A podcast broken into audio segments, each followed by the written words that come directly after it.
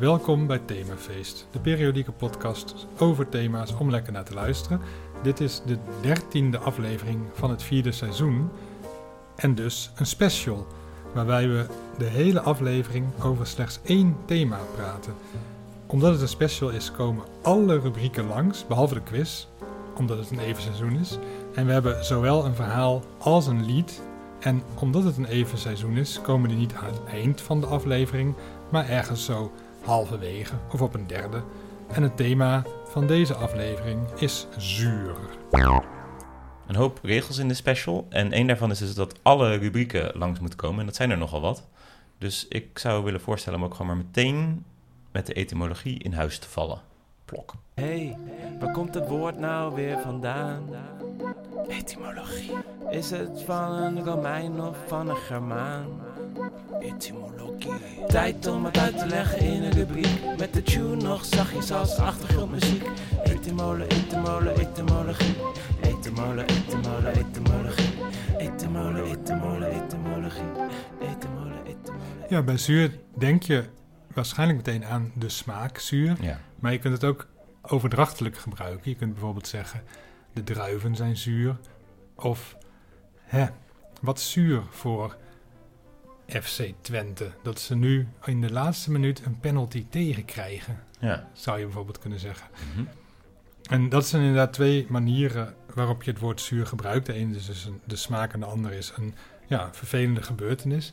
En het is helaas niet helemaal zeker welke van die twee eerst ontstond. Wat wel duidelijk is, is dat het eh, in allerlei oude Europese talen al gebruikt werd. Toen was het woord zuur met S-U-R al in omloop in bijvoorbeeld het Oud-Engels, het Oud-Hoogduits en het Oud-Noors. Allemaal talen die ons zo een beetje omringen.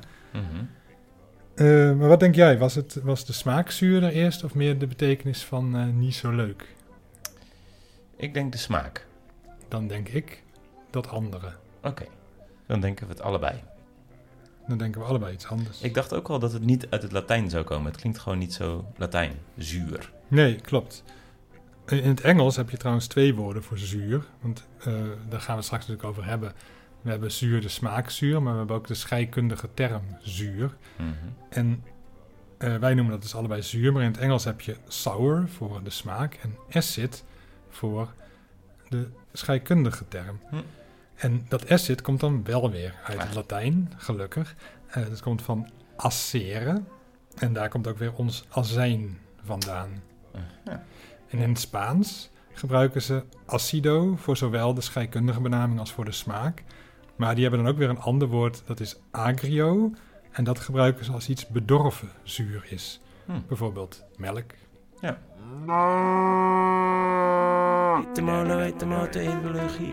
Etymologie.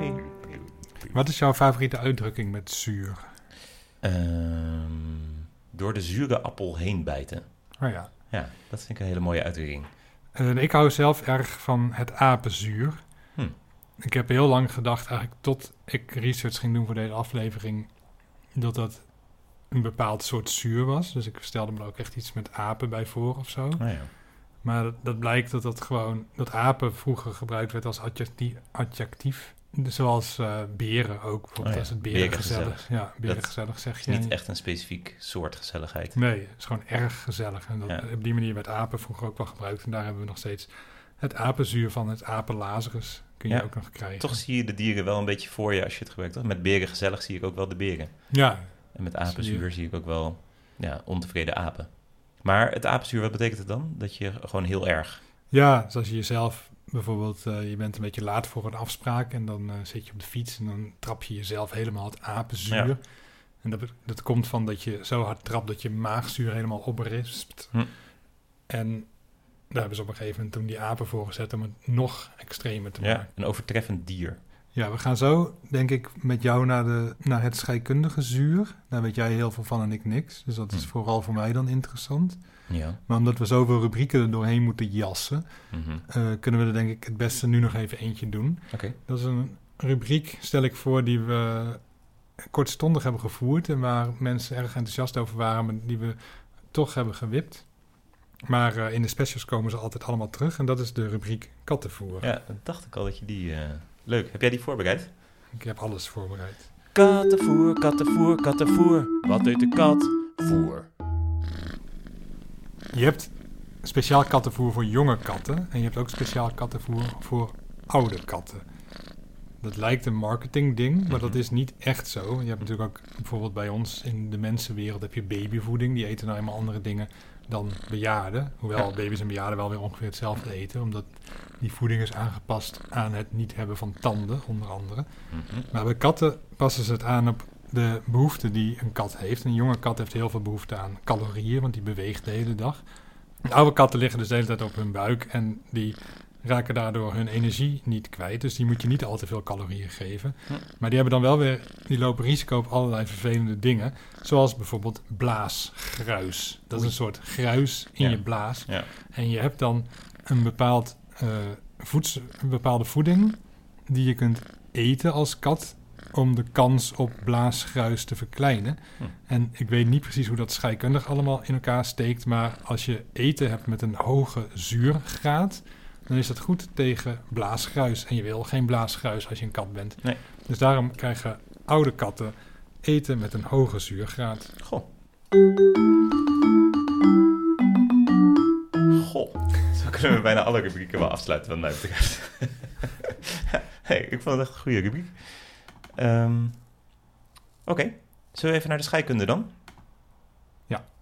Want ik denk dat ik wel een vermoeden heb over dat blaasgruis. Dat zal wel een soort eh, steentje zijn, een beetje kalkig steentje. En ik kan me heel goed voorstellen dat dat goed oplost in zuur. En om dat uit te leggen is misschien goed om even bij de basis te beginnen. Wat is eigenlijk zuur? Weet je dat eigenlijk? Nee, Heb je scheikunde gehad vroeger of niet? maar ik heb dat vrij snel laten vallen. Ja. En ik heb ook niet bovengemiddeld veel interesse in. Tenminste, als jij het uitlegt, denk ik, oh, had ik maar zo'n leuke scheikundeleraar gehad. ja. Maar eh, nee, het, eh, Ik had ook echt een, eh, een draak van een scheikundeleraar op de middelbare school. Ik vond er ook geen zak aan. Maar goed, ik heb wel altijd dat soort vakken gedaan. Dus ik moet dit soort blokjes nou eenmaal uitleggen. Ja, ik denk dat iedereen wel een beetje weet wat een zuur is. Hè? Want je, je proeft het al. En je hebt denk ik ook ooit in de basis, basisscheikunde ooit wel eens gehoord van zuren en bazen misschien. Het zijn een soort tegenovergestelde. Dus eh, een zuur en een base. Eigenlijk, als ik het op zijn allersimpelst zou moeten uitleggen, is er eigenlijk één deeltje. Dat is het, het geladen waterstofdeeltje, het H plus ion. Best wel technisch, hè? nu al. Ja. Maar toch is dat wel de essentie van... ehm, er is één deeltje dat kan bepalen dat iets zuur of basisch wordt. Dus hoe hoe gewoon- smaakt basis dan? Is ja, dat smaak? is wat minder een, een smaak. Dus blijkbaar is dat voor ons evolutionair wat minder nuttig geweest om dat echt goed te kunnen onderscheiden. Maar het komt erop neer dat gewoon water, dus H2O, Mhm. dat is neutraal. Dus dat heeft een pH van 7. En dat is de, de meest gemiddelde pH die je kan hebben. Dat is niet zuur, niet basisch. En als, daar, ehm, als er in het water meer H-ionen beschikbaar komen, dan wordt water in plaats van H2O vervormt het naar H3O+. Dus komt één haatje bij. Dus niet H2O, maar H3O. En omdat er een extra haatje bij zit, is het ook extra geladen. Dus daarmee het H3O+. Dat is eigenlijk de definitie van zuur. Als er heel veel H3O+ in water zit, dan is het zuur geworden. En aan de andere kant, als het dus juist een stofje ingooit wat haatjes eruit trekt, dat is een base. En dan krijg je in plaats van H2O, krijg je HO. Eigenlijk noemen ze dat dan OH, want ze zetten het in een bepaalde volgorde. En dat is dus negatief geladen. Dus je hebt H2O is gewoon een base. Doe je er een haartje bij, krijg je H3O+. Doe je een haartje af, krijg je OH-. En er zijn dus stofjes die dat doen. Die, die trekken haartjes uit water of die stoppen er haartjes bij. En dat zijn zuren of bazen. Ehm, ja, dus het is gewoon best wel ingewikkeld, maar dit is een beetje de basis. Oké, dan gaan we nu naar de volgende rubriek. En dat is de mop. Natuurlijk, natuurlijk, natuurlijk, natuurlijk. Themafeest is informatief op de eerste plaats. Maar er moet ook gelachen worden. Bijvoorbeeld aan de hand van een mop. Een mop over het thema. Ja, dat wordt lachen, zei jij. Dat valt nog te benzien. Ja, eigenlijk Want we hebben deze rubriek leuk, geschrapt omdat die nooit leuk was. Ja. Eh, maar nu heb ik hem opgevonden bij deleukstekinderdboeken.com. Oh. Het is eigenlijk een raadsel. Wat is zuur en gaat door zijn knieën? Ik weet het antwoord niet, maar ik kan wel een trommelsample inzetten. Oké.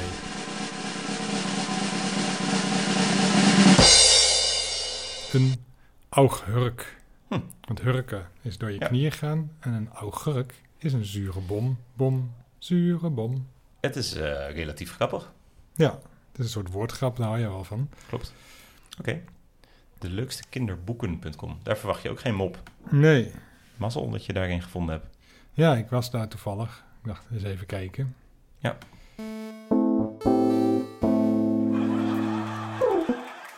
Jij wilde heel graag iets vertellen over oceaanverzuring, begreep ik. Dat klopt. Eh, oceaanverzuring is een interessant probleem. Want wij denken bij onze verhoogde CO2-uitstoot niet zo vaak aan de oceaan. Maar dat maakt dus ook onze oceaan zuurder. Had je dat ooit verwacht? CO2-uitstoot maakt de oceaan zuurder. Ja. Nee. Had je wel kunnen... Want als je bijvoorbeeld aan CO2 denkt in drankjes... net als dat je in de spa-roodfles een evenwicht hebt... als je de dop erop laat... dan zit er heel veel CO2 in het stukje lucht boven de spa-rood. En daar zit een balans tussen die druk die in die lucht zit en in dat water. En zo werkt het eigenlijk in de atmosfeer ook. Als je heel veel CO2 in de atmosfeer doet, dan lost er ook meer CO2 op in het water. En dat water reageert dan weer en dan wordt het, krijg je een zuur. En het nadeel daarvan is, je zou zeggen, ach, een beetje zure oceaan, waarom niet? Omdat er heel veel kleine beestjes in de oceaan leven, die allemaal een kalkskeletje hebben. En als je dus een beetje zure oceaan krijgt, dan lossen die beestjes op. En ze weten eigenlijk nog niet zo heel goed wat er gebeurt als die beestjes het moeilijk gaan krijgen. Bijvoorbeeld een walvis, die eet alleen maar plankton. Mhm. Daar eh, kan je dus zo'n heel groot dier mee voeren. En die eet eigenlijk alleen maar die kleine kalkbeestjes, dat plankton. Maar als je die allemaal oplost, dan heeft hij niks meer te eten. Ik vind dit een verdrietig verhaal. Ja. Gelukkig hebben we net een mop gehoord. Ja. Eh, nou ja, door naar de volgende rubriek. Het actualiteitje. Hm. En nu was dit verhaal natuurlijk ook heel actueel. Ja. Maar ik heb een actueler verhaal. Oké. Een actualiteitje. Het gaat over batterijrecycling. Je kunt dus met het zuur uit rabarber en spinazie kun je eh, batterijen recyclen. Dat hebben ze net ontdekt. Dat is hartstikke goed nieuws. Ja, dat is eh, fantastisch nieuws. Want dan hoeven we misschien ook minder CO2 uit te stoten. En dan wordt de oceaan weer minder zuur. En dan kunnen de walvissen gewoon weer eten. Ja, En dat doe je met rabarber en spinazie. Dat eten wij dan weer. Normaal. Dat is wel jammer dat we dat dan nu batterijen moeten voeren. ja. Ja, dat is inderdaad jammer. Als je heel veel van rabarber houdt en van spinazie, Ja, dan zul je toch vaker spruitjes moeten eten. Want we moeten nou eenmaal batterijen recyclen. Hoe zou het verder gaan met dit thema? Je hoort het alleen als je doorluistert.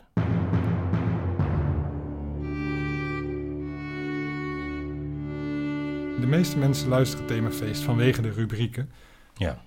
Onder andere deze rubriek. Godmorgen. Tak, tak. Ja, jeg taler ikke dansk. Nej, det forstår jeg ikke. Tak, tak, tak, tak. Godmorgen. Een cursus Deens voor de hele familie. Ja, een cursus Deens. In het Deens heb je trouwens, we hadden het net in de etymologie toch, dat je in bepaalde talen verschillende woorden voor verschillende betekenissen van zuur hebt. Mhm, Dat heb je in Deens ook. Je hebt soer, dat is de scheikunde variant. mhm. En je hebt soert, dat is de smaak. Ah, ja. En eh, het ene schrijf je S-Y-R-E en het andere S-U-R-T. En we kunnen wel even aan onze vriendin van Google vragen hoe je dat dan precies uitspreekt. Syre. Surt. Nou, je hoort het verschil. Ja. Dan hebben we nog een zinnetje voor als je toevallig in Denemarken op vakantie bent en je hebt een hele oude schildpad en die moet dus zuur eten, anders krijgt hij maas, maaggruis, net zoals die katten. Ja. Eh, hoe doe je dat? Dat weet jij. Ja. Je hebt trouwens zeven schildpadden, moet ik zeggen. Want dat kenden we al, hè? ja, ik weet niet of iedereen de Pol-podcast heeft geluisterd, maar daarin ehm, hebben we op een gegeven moment kunnen zeggen... Suf skilpadde boeget Pour un œuf, uit mijn hoofd even. Ja, het klopt ongeveer. Dat, Ja. Ik zou het niet weten kunnen. Dat betekent zeven schildpadden bouwen piramides op een eiland. Ja. Ja. En dan hebben we nu Hardusur mat tilmine sifskilpedder. Ja, hardu surmat, dat betekent heeft u eh, zuur eten. Ja. Tilmine sufskilpada. Voor Wat dat mijn mat zeven. eten betekent, hè? Ja, dat is heel mad. Ja, ik dacht een beetje aan Mats Mikkelsen. Oh ja, Ook een Ja. bekende Deen. ja. Die En smikkel, eigenlijk- mat, smikkelen is ook al Ja. iets met Ja. eten en mat ook. Dus eigenlijk heet hij eet eetzoon. Hij is ook al iets ouder, hè? Mats. ehm 50 plus in ieder geval. Ja. Eh, dus die eet ook zuur waarschijnlijk. Ja, soermat. Nog één keer thuis, zeg het maar na. Hardusur mat tilmine sufskilpedde. Ja, we krijgen be- betrekkelijk weinig brieven van eh Deens-taligen die het eh, niet op onze uitspraak hebben. Dus waarschijnlijk spreken we het heel goed uit, Ja. altijd. Waarschijnlijk perfect. Er zijn niet zo heel veel liedjes die zuur heten. Zuur is een weinig bezongen emotie. Bitter en vooral zoet. Ja, of Eh, bitterzoet. En bitterzoet het wordt meer bezongen. Je hebt ook het album Bitterzoet van Evie de Visser. Dat is volgens Ja. mij album van het jaar bij Oor, Nou, denk ik. Ja, dat bekend. moet je nagaan. Maar, maar zuur dus niet. Hoewel je wel een aantal house-nummers hebt die zuur heten. Hm. En dat zit zo.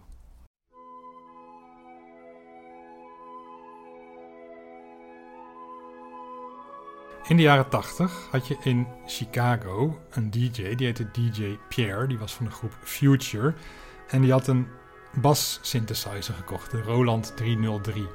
Je hebt ook de 808 en de 909, dat zijn latere versies van de Roland. Eigenlijk hele andere apparaten. Die zijn heel bekend geworden. De 303 is eh, bij het grote publiek iets minder bekend. Maar hiermee kon je eigenlijk basloopjes eh, namaken, zodat je als je in een band speelde zonder bassist toch een soort van eh, digitale of eigenlijk analoge bassist bij je kon hebben. Nou, deze DJ Pierre die had uitgevonden dat je met dat ding hele rare effecten kon toepassen op die basloopjes. Daar was hij niet voor bedoeld. Maar hij vond het eigenlijk wel leuk om daarmee te spelen. Toen heeft hij daar een plaat mee opgenomen. Nou, die plaat die ging in Chicago in de jaren 80 eh, van hand tot hand. Die werd enorm veel gedraaid. En die werd later, eh, eigenlijk was dat de basis voor het genre acid house. Want dat lied had aanvankelijk geen naam. En dus twee jaar lang is dat rondge, rond gaan zingen. En toen is hij uiteindelijk uitgebracht onder de naam eh, Acid Tracks. En dat acid, dat kwam dan mogelijk omdat het een beetje het, dat gewobbel van die bas, want het is eigenlijk wat je doet, is een beetje.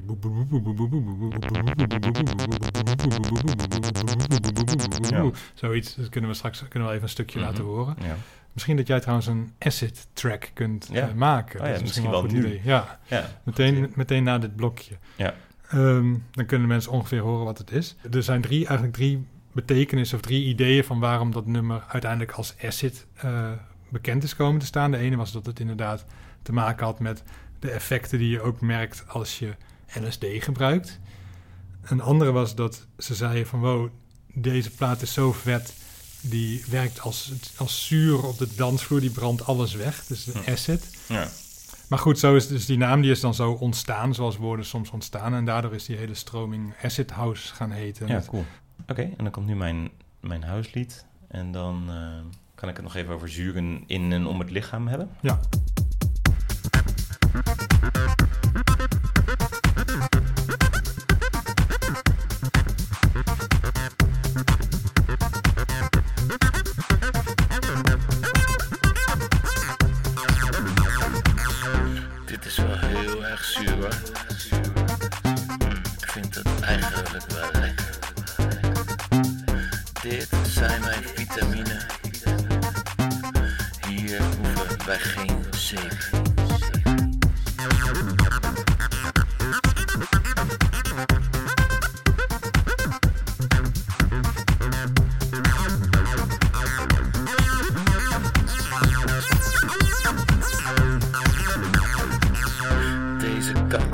Volwassen.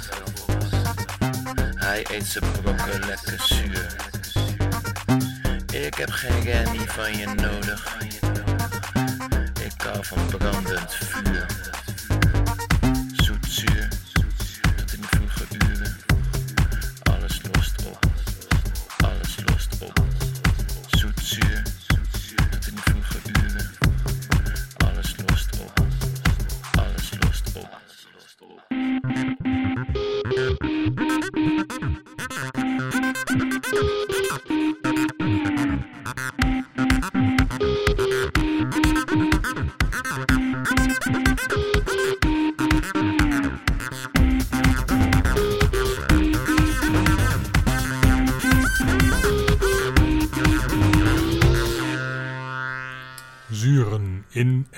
Het lichaam. Ja, bedankt voor de aankondiging. Er zit inderdaad ook in ons lichaam. Een, een lichaam is over het algemeen een beetje basis. Maar er zijn een aantal zones in ons lichaam die wat zuurder zijn, met een functie ook. Zo hebben we bijvoorbeeld ons maagzuur. Dat ken je wel, daar hebben we het ook in de aflevering over de... Poep, de anus. De anus, ja precies. Ik heb een keer, ik weet nog dat ik het hele darmsysteem een keer door ben gegaan. Ja, de, de maag, daar begint het natuurlijk. En de, maag, da- daar zit zuur in, omdat al het eten wat daar dan in komt, eh, dat daar bepaalde de bacteriën meteen de pijp uitgaan. Zodat we ehm, gewoon heel veilig dat eh, kunnen gaan verteren. Bovendien werkt het ook oplossend. Hè? Dus je kan bepaalde dingen beter oplossen, waardoor je lichaam het beter kan opnemen eh, bij de spijsvertering. Dus in de maag hebben we zuur. Eh, de vrouwen hebben nog een wat zuurdere zone op hun lichaam. Dat is hun eh, erogene zone, zal ik maar zeggen. Of de schaamzone, hoe zeg je het? Hun vagina's. Ik, hoorde, ik las erover in, in, de- in dat eh, stuk. Dat was volgens mij van een maandverband fabrikant. Die noemde het, heet het de V-zone. Vond ik op zich wel mooi. Ja. Hoef je niet tijd eh, vagina. Ik zeg dat dan altijd ongemakkelijk. Hoeft helemaal niet. Maar goed, in ieder geval, die, de V-zone, die is dus ook zuurder dan eh, de rest van ons lichaam. Eigenlijk wel flink zuur zelfs. Die pH die zit ergens tussen de 3,5 en de 4,5. Terwijl dus neutraal is 7. Ehm, en dat is juist eigenlijk een hele gezond teken. Dus een, een zure V-zone is een gezonde V-zone. Want dat heeft ook als doel dat bepaalde eh, bacteriën daar niet welig tieren. En eh, daardoor krijg je dus eigenlijk juist een steriele plek die niet geïnfecteerd raakt en niet uitdroogt. En als die dus langzaam basischer wordt, dan merk je ook dat er ontstekingen komen en dat het ook minder fijn gaat ruiken. Het gebeurt nog steeds wel eens dat er juist allerlei productjes zijn met een hoge pH. Hè? Want zeep heeft een hoge pH ook. En dat moet je dus eigenlijk niet eh, in je V-zone smeren. Want dan, eh, ja, dan maak je die bacteriën dood en dan krijg je juist allemaal glazer.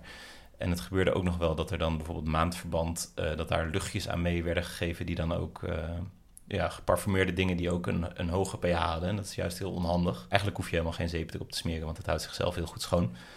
Ehm, maar wat wel bijvoorbeeld een andere oorzaak is voor een hoge pH, is bijvoorbeeld als je eh, je maandverband niet vaak genoeg wisselt. Want bloed heeft een hoge pH. En als je dat dus niet vaak wisselt, is onhandig, want dan eh, gaat die pH omhoog en dan kunnen er weer bacteriën komen. Nou ja, dat ik nog eens eh, maandverband tips ging geven, dat is wel een beetje random eigenlijk. Zullen we naar de brievenrubriek? Graag. Stuurt toch af en toe eens iemand een brief. Die gleuvende deur van je beste vriend, die zit daar niet voor niks. Dit is de brievenrubriek, brievenrubriek. Stuurt toch af en toe eens iemand een brief. Die gleuvende deur van je beste vriend, die zit daar niet voor niets. Dit is de brievenrubriek, brievenrubriek, jawel. Toen we begonnen met opnemen, hebben we op Instagram gezet: we gaan nu opnemen. Als je in de brievenrubriek wil komen, stuur dan hier iets. En zo geschiet dan natuurlijk. Ja, zo geschiet dan. eh, ik zal een eh, selectie voorlezen. We hebben bijvoorbeeld een brief van Lara. Die zegt: Hoi, mooie mannen, dat zijn wij. Ik wil jullie gewoon een fijne dag wensen en groetjes aan iedereen. Echt iedereen, hè? Ja, sympathiek. Dan hebben we eh, Fopje en die doet de groetjes aan Sarah. Ja, ook sympathiek. Dan hebben we Wilco, die zegt: eh, um, eh, oké, ja, eh, succes. En hij schrijft dan eh elke keer anders. Dus een knipoog naar de podcast over eh. Nou, eh, dankjewel. Dan hebben we Arne, en die heeft een vraag. Komt er nog een stripverhalenreeks in de podcast? Hmm, dat zou leuk zijn. De Pol Podcast was een groot succes, eh, behalve onder de luisteraars. Eh, maar het was wel heel leuk. Eh, ik zou er nog wel eentje willen, maar wel pas over een hele tijd. Ik ben erbij. Leuk. Dan zegt de Blacksmith Bird: Ik ben dol op de brievenrubriek. Het is mijn favoriete tune. Ah, Nou, dat is heeft hij geluk dat hij net de tune gehoord heeft. Ja. Kan hij misschien een stukje terug en dan nog een keer. Ja. Dat kan, hè? Dat weet niet iedereen. Eh, Jordi heeft een vraag. Die vraagt: Hoe lang doen jullie normaaliter over het opnemen van een uitzending? Hmm. We gaan vaak samen eten, lunchen. En dan eh, zoeken we alles uit over het thema. En dan gaan we het opnemen. En dat duurt misschien wel een uur. Ja, drie kwartier. Ja, drie kwartier. En dat knippen we dan terug naar een half uur. Ja. Ja, in totaal. En dan moet het nog gemonteerd. En dan schrijf ik een lied of jij een verhaal. In totaal is het wel bijna een dagwerk. ja, zeker. Maar het opnemen zelf is misschien drie kwartier tot een uur. Ja. Eh, nou, dan heeft Tim nog een vraag. Als je 18 uur te laat bent, maar wel fan van het eerste uur, ben je dan nog op tijd? Denk het wel. Denk het ook. En dan hadden we nog een brief van Lena. Die heeft een hele belangrijke vraag. Die vraagt: Hoi, Wisse en Klaas. Ik vraag me af of er een woord is voor het gedeelte waar langs je je lucifer strijkt op het luciferdoosje. In het Duits gebruiken ze een van de moeilijkst uit te spreken woorden ooit, namelijk strijkholzschechtelgen. Google Translate weet het niet. Nou, wij weten dat wel. Natuurlijk, Ja, het is gewoon strijkvlak, toch? strijkvlakje. Strijkvlak. Dus Ja. dat is niet een hele moeilijke vraag. Wel leuk dat mensen denken dat wij alles weten. Dat is Ja, ook zo Er natuurlijk. zit ook wel wat in, ja. Ja. Het strijkvlak. Dus voor al je vragen en andere brieven, schrijf ons. Hebben we nu alle rubrieken een beetje gehad? Nee, we moeten nog de tip, de fles voorwaarts en Ja. bellen met een expert en een verhaal van Klaas. Jemig. Oké. Nou, één voor één. De tip. Kijk, kijk, zo kun je dat doen. Dan hoef je het zelf niet uit te zoeken. Nou, dat is nog eens handig. We geven een tip, tip, tip, tip. Hulpje, raadje, klein adviesje. Altijd in een ander niche. Tip, tip, tip, tip, tip, tip, kip. Ja, dat is een medicijntip. En deze rubriek is niet gesponsord. Maar wat, jij had het net over brandend maagzuur. Ik heb daar soms last van. Vooral als ik alcohol heb gedronken en niet al te gezond heb gegeten. Bijvoorbeeld een pizza of zo. Dan Mhm. wil het wel eens zo zijn dat ik dan s'nachts wakker word. En dan nou ja, een, een zeer branderig gevoel in mijn lijf heb. Waarschijnlijk is in mijn maag. Wat ook een beetje omhoog lijkt te komen of zo. Dus Ja. dat is totaal niet prettig. En Mhm. eh, je wordt er ook een beetje misselijk van. Ja. En daar heb je dus dingen tegen. Daar maken ze ook reclame voor. Dat heet Rennies. Je Ja. hebt ook meerdere. Dat is een merk. Ja, dat is een merk. Je hebt ook andere eh, merken, geloof ik. Maar ik Ja. ken dus vooral Rennies. Ja. En dat werkt echt en ook meteen. Dus ik heb soms echt super veel last. En dan neem ik één Rennie. Ja. En dan is het gewoon klaar. Dus jouw tip is bij brandend maagzuur, neem een medicijn tegen brandend maagzuur. Ja. Het werkt echt. Dat was de tip, tip, tip, tip, tip, tip. Yeah. Vet eh, zorgt voor brandend maagzuur. Eh, net als chocola en noten. Dus je kan ook minder frietjes eten voordat je gaat slapen. Dat is voeding die, die eh, het zuurder van binnen maakt. En En bijvoorbeeld alcohol. Oh ja, nou, bij mij toch voornamelijk alcohol. Ja, dat zal het misschien wel hoofdzakelijk zijn. Ja. Maar als je even wat meer groente eten bij je alcohol en wat minder friet, zou het ook misschien kunnen helpen. Ja, als ze dan snackbars hebben waar ze s'nachts gewoon in plaats van friet groente aanbieden, dan wil ik dat best overwegen. Oké. Dat is ook nog een tip voor de snackbarhouders onder ons. Eh, speaking of which, Ja. eh, laten we naar het verhaal van Klaas gaan. Ik- Was ik van plan om tot het laatste te waren, maar dat is natuurlijk helemaal niet, dat kan helemaal niet. Nee, Het is een special. Een even special. Een verhaal van Klaas, een verhaal van Klaas, een verhaal van Klaas, een verhaal van Klaas, een verhaal van Klaas, een verhaal van Klaas, een verhaal van Klaas, een verhaal van Klaas, een verhaal van Klaas, een verhaal van Klaas, een verhaal van Klaas, een verhaal van Klaas, een verhaal van Klaas, een verhaal van Klaas, een verhaal van Klaas, een verhaal van Klaas, een verhaal van Klaas. snackbarhouder Bert hoort niet dat snackbarhouder Barry op de deur van de snackbar klopt. Snackbarhouder Bert gaat hard op de nieuwe acid track van Wisse Bates. Het nummer staat al de hele ochtend op repeat. Wat bitter dat ik net vandaag de sleutel ben vergeten, mompelt snackbarhouder Barry. Zijn er nog vragen? Een reusachtig reptiel steekt zijn poot op. Ja, jij daar, zegt snackbarhouder Barry. Stel je eerst even voor. Ik ben de draak van de scheikundeleraar. Ik zat aan het begin van de podcast in een bijzin, dus ik waardeer het zeer dat ik hier mag zijn. En ik vroeg me af, waarom zit de deur van de snackbar op slot? Ja, zegt snackbarhouder Barry, dat moest voor het verhaal. Aha, zegt de draak van de scheikundeleraar, daar komt de aap uit de mouw. En daar komt inderdaad heel flauw een aap uit de mouw van snackbarhouder Barry. Krijg nou het apenzuur, zegt snackbarhouder Barry. Liever niet, zegt de aap. Geef het dan maar aan mij, zegt de oude kat, die ook op de tribune zit.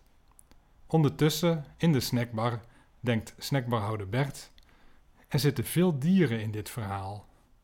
En hij denkt ook, wat zal er gebeuren als ik mijn frituurpan vul met augurkensap en er dan een rennie en een handje blaasgruis in werp. Dat ga ik proberen. Maar dan wordt hij opnieuw gegrepen door het borrelende, pruttelende geluid van de acid track van Wisse Beets. Het doet hem denken aan verse frieten in kokend vet en zijn voornemen verdampt. Voor de mensen en dieren op de tribune is dat toch een beetje zuur. Dat was een mooi verhaal. Nou, dan hebben we nu eh, zowel het lied als het verhaal gehoord. Ja. Eh, misschien, maar we moeten ze dus nog maken op dit moment. Mhm. Misschien is het leuk dat als we ze gemaakt hebben, dat we ze dan ook beluisteren van elkaar. En dat we er dan in de fles voorwaarts, want die moeten we immers ook nog Mhm. behandelen, eh, over praten wat we er eigenlijk van vonden. Het is wel een interessant idee, omdat wij hebben het lied en het verhaal nog niet gehoord, maar de luisteraar nu al wel. Ja. Dus wij gaan nu een fles voorwaarts naar het punt waar de luisteraar zich nu precies bevindt. Klopt. We komen naar jullie toe. We maken nu een sprong van het heden naar de toekomst. We kunnen alleen hopen dat het allemaal nog goed komt. Gevolgen van de oorzaak, het leven dat maar doorgaat. Van februari tot maart, van gladdekind tot snorbaard. Van veulentje tot raspaard, van appelpit tot boomgaard. Van slippertje tot bastaard, van babytje tot bejaard. Dit wordt een beetje awkward, dit is de fles voorwaarts. Ja, welkom in de toekomst. We zijn inmiddels een week verder. Ik begin met een vervelende mededeling. Er gaat namelijk één rubriek sneuvelen. Dat is de rubriek bellen met een expert. Hmm. Dat komt omdat we hadden een kok geregeld, maar die moet koken. Dus die gaan we nog spreken, maar dan eh, is het niet meer op tijd voor deze aflevering. Dus dan gaan we in onze volgende aflevering, die over een ander thema gaat, nog bellen met een expert over zuur. En dan met name zuur tijdens het koken. Dat is heel handig voor mensen die graag koken. Ja. Zoals aangekondigd gaan we het hebben over jouw lied en mijn verhaal. Ik ga jouw lied recenseren. Ik ben namelijk een muziekrecensent. Ja, dat is waar. Ik vond het een mooi lied. Ik vond het, het staat zeker in het linkerrijtje van jouw liederen. Hm. Dus het hoort bij jouw beste werk. Hm. En ik vond het heel mooi dat jij, en eigenlijk wel verrassend, ik dacht dat het heel moeilijk zou zijn om die techniek van dat, dat eh, 303 eh, wobbelen, om dat te kunnen. Maar jij kon dat gewoon. Maar ik kon wel horen dat je het niet echt met een 303 eh bas synthesizer hebt gemaakt, maar met een, denk ik, een web plugin of zo. Eh, ja, dat klopt wel ongeveer. Ja. Het is inderdaad een, eh, een emulator van dat apparaat. Dus het is niet, niet het machientje zelf. Dat ging niet kopen voor deze aflevering. Maar ik vond het ook leuk dat ik hem wel aan het pruttelen kreeg, die, dat, dat ding.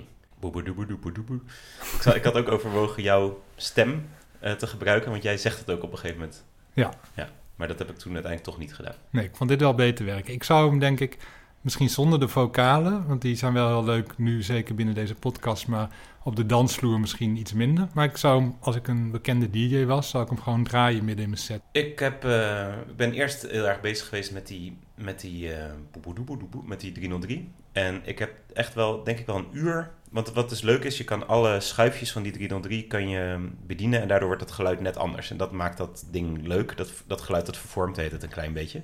En dat is zo leuk om te doen. Eh, dus je zet gewoon alleen een beat aan en dat ding. En dan aan die, langzaam die schuif. Misschien dat ik dat nu wel even op de achtergrond ga laten horen. Maar dan, eh, ja, het is gewoon heel lekker om te doen. Dus het duurde heel lang voordat ik daadwerkelijk er een liedje van ging maken. Maar ik denk ook misschien in die muziekstijl wordt ook niet zo heel erg, denk ik, een liedje gemaakt. In die zin. Dan is dat ook gewoon eigenlijk wat je doet. Gewoon lekker eh, dat ding laten oversturen en eh, aan die filters draaien. Dus eh, wel een nieuwe hobby erbij. Dus hij komt in het linker rijtje, dus op de verzamel-cd die eind 2025 uitkomt. Die kan je alvast pre-orderen in de bio. Dan het verhaal. Eh, ik dacht misschien is het wel leuk als jij... Ik vond het natuurlijk weer een heel leuk verhaal. Er zaten ook weer wat nieuwe stijlelementen in voor mijn gevoel. Eh, bijvoorbeeld dat er opeens een publiek was. Een tribune volgens mij zelfs, toch? Ja, een publieke ja. tribune. Ja. Is er altijd al, maar die liet ik tot nu toe altijd onbenoemd. Ja, precies. Want hoe eh, gaat het, het, het verhaal van Klaas... eh, hoe schrijf je dat meestal? Maar ik begin altijd met de woorden snackbarhouder Bert. Dus dat is Ja. makkelijk, dan heb je al een beginnetje. En dan luister ik eigenlijk altijd gewoon de podcast af. En dan noteer ik zinnen en woordjes. En deze keer wilde ik heel graag het woord eh, blaasgruis gebruiken. Oh ja. En de rest heb ik er een beetje dan omheen geschreven eigenlijk met die flarden die ik dan meekrijg terwijl ik schrijf en luister. Ja, En dan eigenlijk ontstaat het eh, vrij vanzelf. ik vind het ook, eh, dat heb jij volgens mij ook, dat dit kader, dat het het best wel juist makkelijk maakt om iets te maken. Dus het moet over zuur gaan, het moet in een snackbar zijn. Ehm, en ja, je gebruikt de ingrediënten die je aangereikt krijgt. Dat is wel een lekkere manier van werken, toch? Ja, zeker. Dat Ja. is heerlijk. Ja, dus een kijkje in de keuken van eh themafeest was dit eigenlijk onbedoeld. Ja. Of misschien bedoeld. Toch nog een kijkje in de keuken. Ja, Ondanks- ondanks het ontbreken van de topkok. Zullen we terug naar het heden? Ja, ik krijg het een beetje benauwd hier.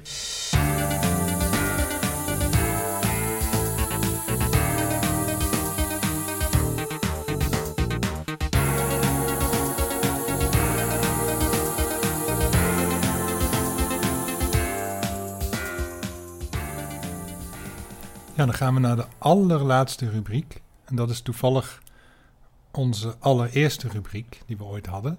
Die heette zomaar een rubriekje tussendoor. En die hadden we toen onderverdeeld in de sliert van de week en de pulvrucht van de week. En deze keer kiezen we voor de sliert van de week.